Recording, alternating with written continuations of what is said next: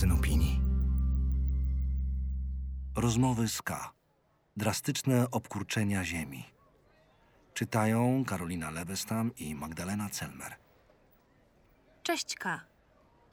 Moja trzyletnia córeczka zgubiła swoją ukochaną przytulankę. Pluszowego kotka Puszka. Co robić? Dorota. Droga Doroto. Oto wreszcie sprawa naprawdę wielkiej wagi. Godna jest co najmniej poetyckiej sagi. Prawda jest bowiem taka, że dzięki strasznej pandemii mamy okazję doświadczyć drastycznych obkurczeń ziemi.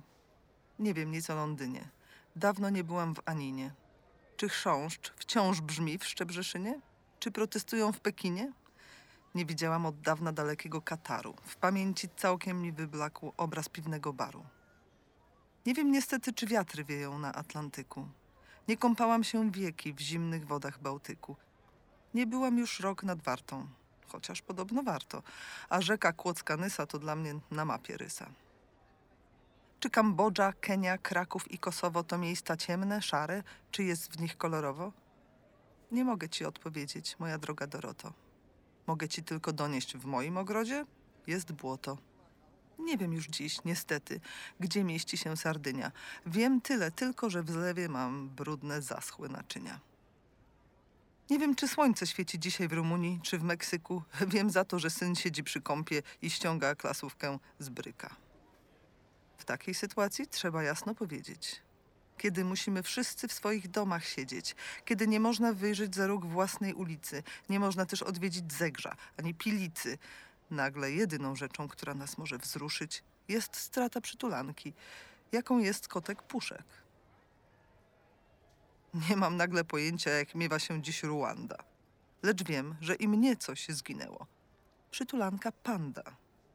Nie wiem, czy żyją bażanty na polach Kostaryki, ale wiem, że w mym domu rozległy się dzikie ryki. Płakała strasznie za pandą moja córka Klara, nie rozumiejąc skąd spada na nią ta boska kara. Żeby mnie ominęła za głuchotę renta, wzięłam się na sposób e-mail do producenta. Jak to jest możliwe, pisałam w wielkiej złości, że nikt wam jeszcze dziadygi nie porachował kości?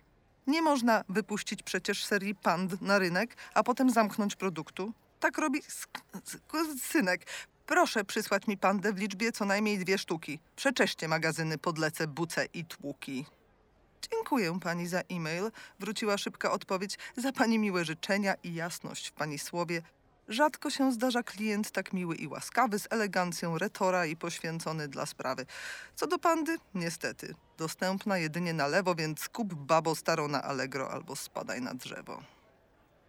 Siadłam więc z Klarą na sofie i razem żeśmy płakały. Ona płakała za pandą, a ja za światem całym, za tym światem, którego już chyba nie zobaczę. I do teraz siedzimy.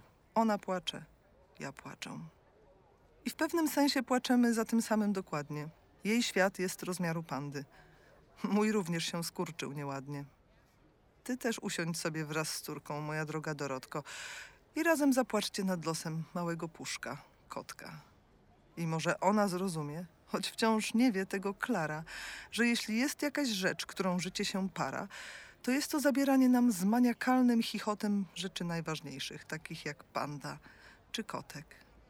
Niech strata kotka i pandy naszym córkom pokaże, że choćby kiedyś się grzały w Hiszpanii czy Zanzibarze, to przyjdzie nocą los podły. Gwizdnie im matkę czy męża, rozpiździ pokój na świecie i serce im nadwyręży. Kto zabrał choćby wąs kotka albo pandy trzy ćwierci, ma bowiem podstępny cel wdrożyć nas w sprawy śmierci. K.